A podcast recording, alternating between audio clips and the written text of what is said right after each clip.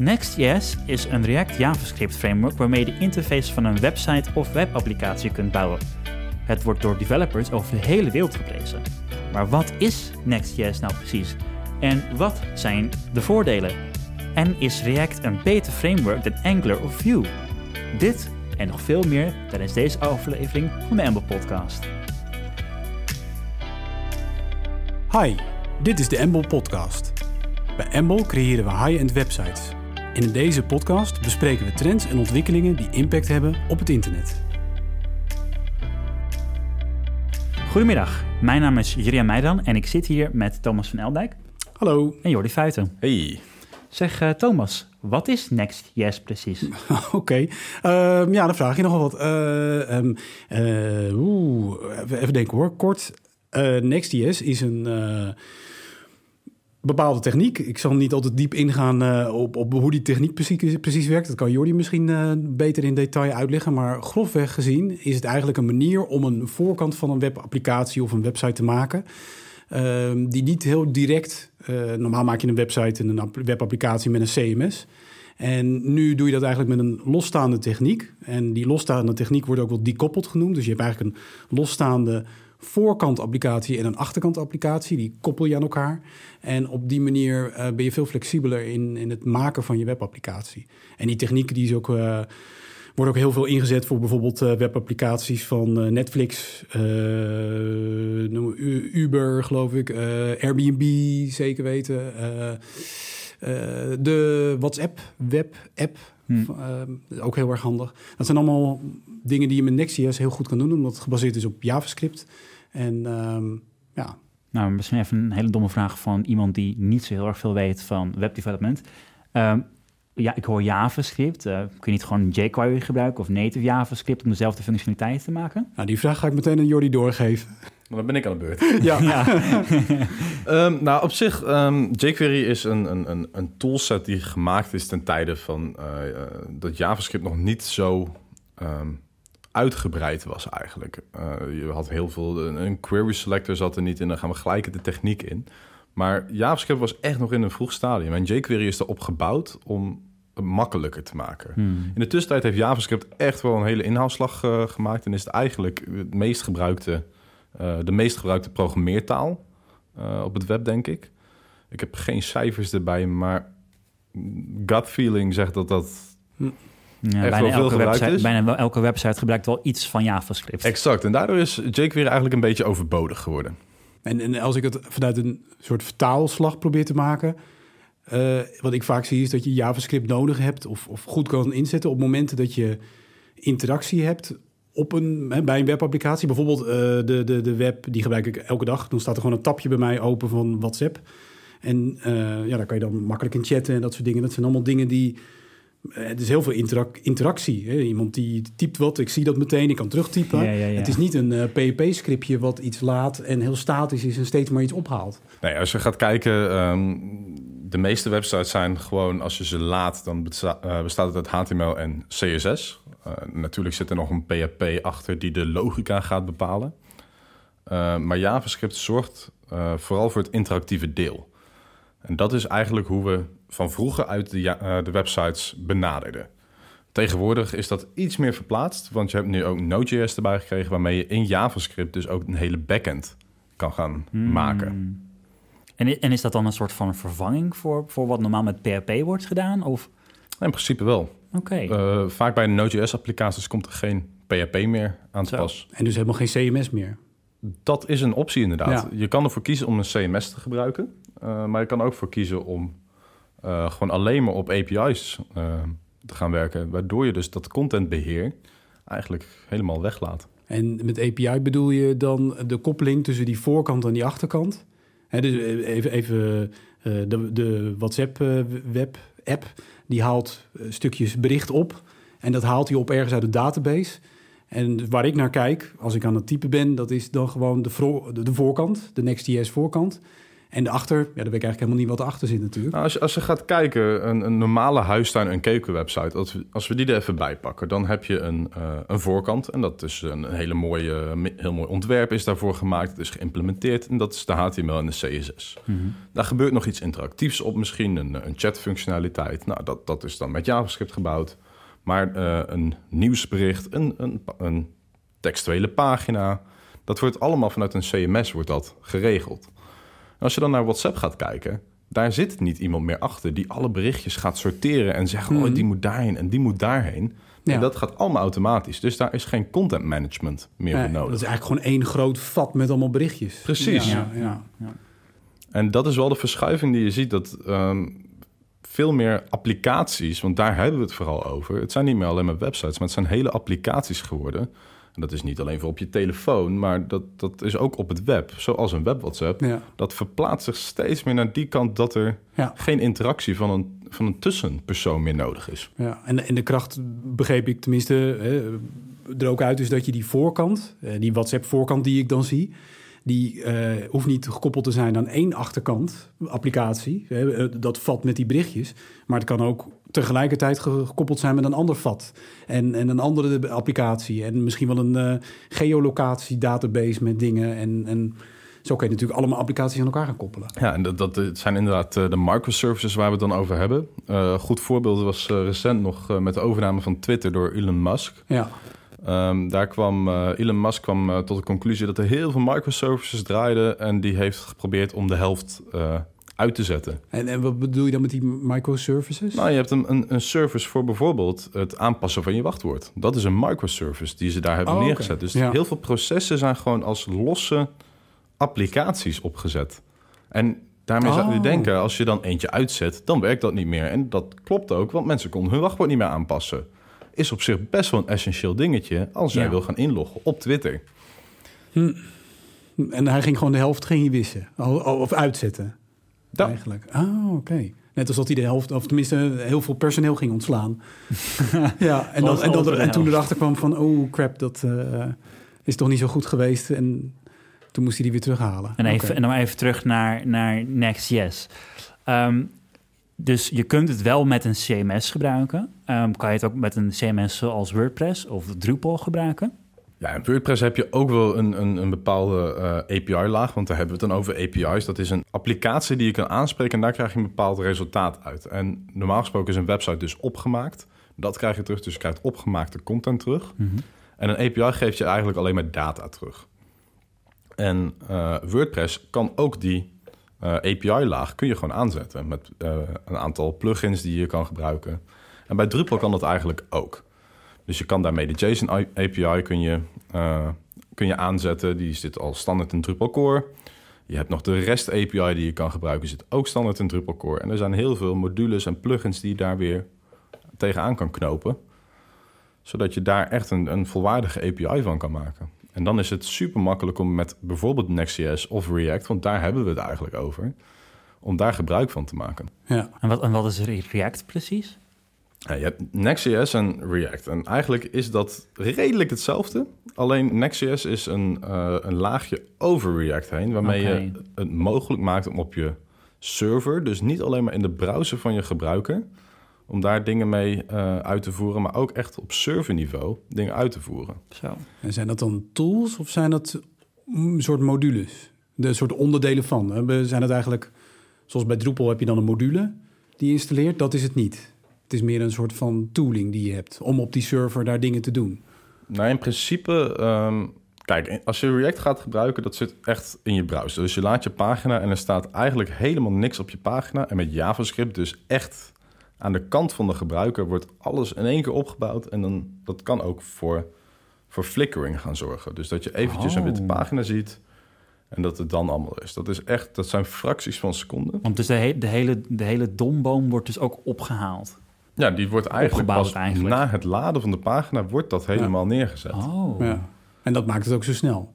Dat maakt het inderdaad zo snel, want je gaat Ja. niet meer uit van de kracht van je server en hoeveel mensen aanspraak maken op die server. Mhm. Maar je maakt gebruik van de kracht van de laptop of de computer, telefoon van de gebruiker. Ja. En dat is er vaak maar eentje. En dat is dus natuurlijk een, dus naast dat het heel veel eh, flexibeler is, je kan er meer mee, is het dus voor zeker grote partijen die dus super veel traffic hebben, hebben zoals Twitter, Airbnb, Netflix. Netflix. Het is een enorme uitkomst. Een gigantische boost. Ja. Die hoeven in, plaats van dat we allemaal serverrekken en load balancers moeten neerzetten, ja. zeggen ze eigenlijk gewoon zoek het uit. Ja, doe het zelf maar. Ja, ja, want eigenlijk moet je het als gebruik. Maar is dat dan ook een, een load die je dan... Stel bijvoorbeeld dat je een hele oude computer hebt. Je hebt echt een, ga je dat voelen dan? Of een, of een telefoon die niet zoveel kan. Stel ja, ja, ja, je in, een derde, in een derde iPhone wereld, 4 of zo. Of in een derde wereldland waar, je, waar de telefoons minder kosten en waar je misschien minder rekenkracht hebt. Uh, ja, je gaat er uiteindelijk kunnen wel wat van gaan merken, maar dat is echt verwaarloosbaar. Oh, het gaat om zo weinig data die je binnenhaalt. Ja. En vaak zijn de, de React-applicaties, uh, moet je echt denken, daar zitten gewoon ontwikkelaars achter. Die hebben verstand van zaken. Uh, niet om andere uh, platformen, CMS'en tekort te doen. Maar je hebt gewoon kennis nodig om een React-applicatie te maken. Hm. En vaak, dat zie je wel terug, uh, als je een React-applicatie kan maken, dan weet je ook gewoon van de hoed en de rand hoe kun je dit gaan optimaliseren. Dus hoe zorg ik ervoor dat mijn pagina zo snel mogelijk geladen is. Hm. En, en hoe, ga, hoe gaat, um, stel je maakt een, een, website dus op die manier, hoe gaat Google daarmee om? Uh, kunnen zij, kan, kan de Google robot dat gewoon lezen allemaal? Of, en, en hoe ziet hij dan de snelheid van die pagina? Ziet hij die ook dat die echt snel is? Ja, waar, uh, waar Google vroeger nog wel eens last van had dat hij niet direct de, uh, de pagina en de content kon lezen, is Google daar wel slimmer in geworden. Want ook Google ziet de verschuiving gewoon plaatsvinden. Die ziet gewoon dat steeds meer applicaties op deze manier gebouwd worden. En Google heeft daarin uh, het proces aangepast, zijn zoekproces. En die wacht eigenlijk totdat er content geserveerd is en tot er bruikbare content staat. En dat wordt gemeten als performance van de pagina. Oké. Dus het is Tenminste, dat wordt aangenomen. Want het Google-algoritme is altijd Niemand weet precies hoe de doos van Pandora. Ja, ja. Maar ik denk, ik denk wel dat je voordelen hebt, omdat je... Uh, wat je hebt, normaal heb je een frontend die gegenereerd wordt vanuit een WordPress of Drupal CMS... Hè, of Umbraco of uh, noem het maar op. Typo 3, uh, eh, Joomla... En daar ben je gebonden aan de manier waarop dat CMS die frontend maakt. En eventueel een paar modules die je erin hangt. En nu maak je de frontend helemaal zelf. Die bouw je helemaal zelf op. Ja. Dus je kan hem helemaal precies volgens het SEO-boekje ja, maken. Klopt helemaal. Um, en dat zie je eigenlijk ook wel, want daarom werken wij hier ook veel met Next.js. Um, Next.js heeft daarin ook weer eigenlijk wat ik net noemde, die serverkant die niet gebruikt wordt, die wordt door Next.js wel gebruikt. En daardoor merk je eigenlijk dat je heel goed je uh, load kan verdelen tussen server en gebruiker. Dus alles wat je graag op de, uh, in de browser wil hebben, gewoon die, die langzamere processen, die niet direct nodig zijn voor je eerste contentbehoeften, die kun je dan gelijk uh, in de browser laten plaatsvinden. Ja. En die eerste contentbehoeften, die zet je dan weer op de server, waardoor je eigenlijk een hele geoptimaliseerde lood gaat krijgen. Ja, ja verfijnd. Ja. Wat, ik, wat ik me afvraag is, want um, het is eigenlijk, tenminste, het is relatief simpel om een website te bouwen met HTML, CSS en JavaScript. Maar het lijkt mij dat het, als je op deze manier een website gaat bouwen, dat het heel ingewikkeld kan worden van webapplicatie. Of in jouw ervaring, hoe, hoe makkelijk is het om, om met Next.js en React uh, te ontwikkelen? Ik denk dat hoe toegankelijk is het? Ik denk als jij afkomt van, uh, van het bouwen in uh, PHP, met HTML en CSS en je gaat dan echt die switch maken, die heb ik ook zelf gedaan, dan is het soms nog best wel een, een zware kluif die je kan hebben. Okay.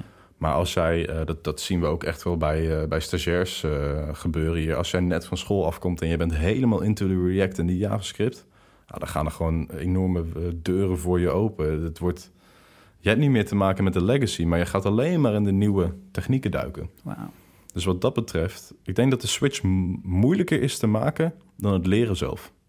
Oké, ja, het is dus net waar je vandaan komt. Met dus, andere woorden, er komt een hele lichting aan van nieuwe developers die op een hele nieuwe manier denken en niet gebonden zijn aan die oude technieken. En, veel... en over tien jaar hebben we weer een nieuwe techniek en dan zijn zij. Uh, ja, ja oké. Okay. maar zo'n switch als dit is natuurlijk wel. Hè, hoe lang werken we al niet met PHP? Dat ja, is, Dat is... Ah, daarmee zeggen we ook niet dat PHP gaat verdwijnen. Want wat je heel veel ziet is dat uh, bijvoorbeeld Laravel wordt heel veel gebruikt voor om een backend in te maken. En dan zie je daar dus vooral de API in geschreven worden. Ja.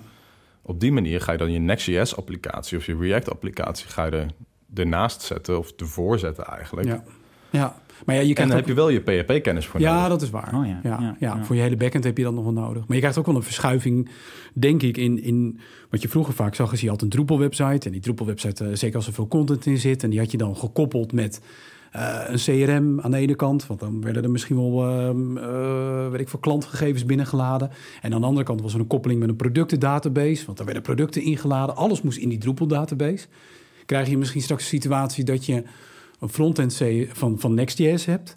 En die laat dan direct vanuit het CRM die klantgegevens, direct vanuit Drupal eh, bloggegevens, ik zeg, zeg maar wat, en vanuit een productdatabase eh, de productgegevens. En dan heb je dus ook niet meer die koppeling naar Drupal nodig, alleen maar nee, Next.js frontend die het allemaal ophaalt. Ja. Dat is echt wel, krijg je een gigantische efficiëntieslag. Precies, Ja, want zeker, je houdt ja. eigenlijk de contentbeheerders die werken in je CMS en die beheren de content. Ja, je hoeft niet alles meer op elkaar af te stemmen. Want stel bijvoorbeeld dat die productendatabase dan gewoon na een half jaar verandert. Want het wordt een andere productendatabase. Ja, prima.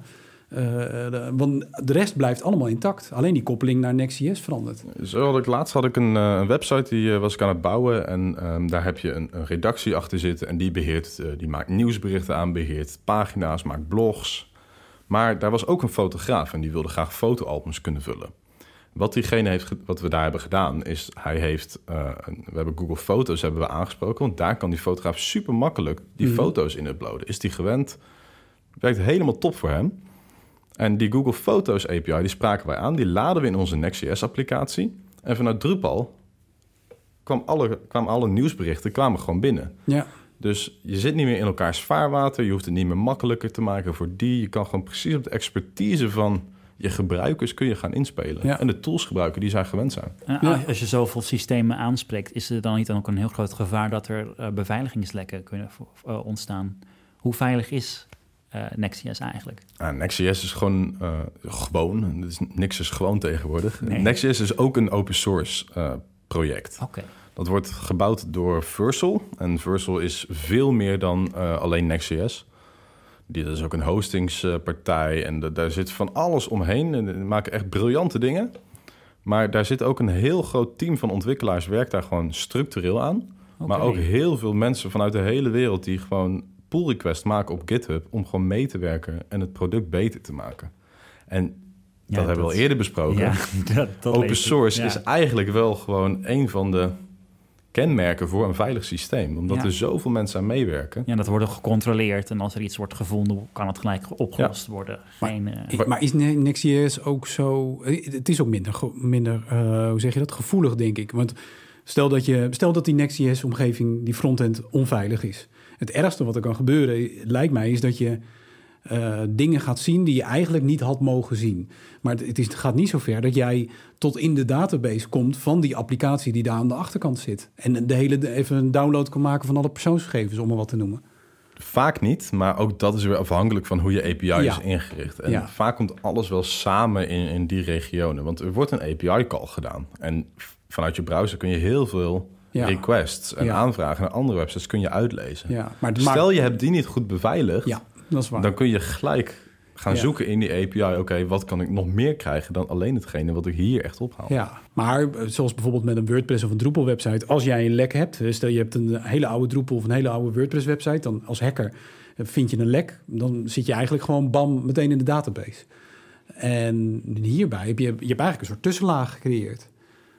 Je hebt in principe een tussenlaag gecreëerd, alleen ehm, Ja, als, dat, als daar het raam van open staat, kom je alsnog binnen. exact. Ja, maar ja, oké. ja. Maar En toch, het is maakt- toch een tussenlaag. Nee, je hebt, eh, bij Drupal kun je modules vanaf eh, drupal.org kun je downloaden. En daar heb je heel veel functionaliteit. WordPress heeft zijn eigen eh, marketplace daarvoor. Maar ook eh, Next.js heeft eigenlijk zijn eigen marketplace daarvoor. Je hebt namelijk npm.js en daar kun je heel veel plugins vandaan, eh, vandaan trekken.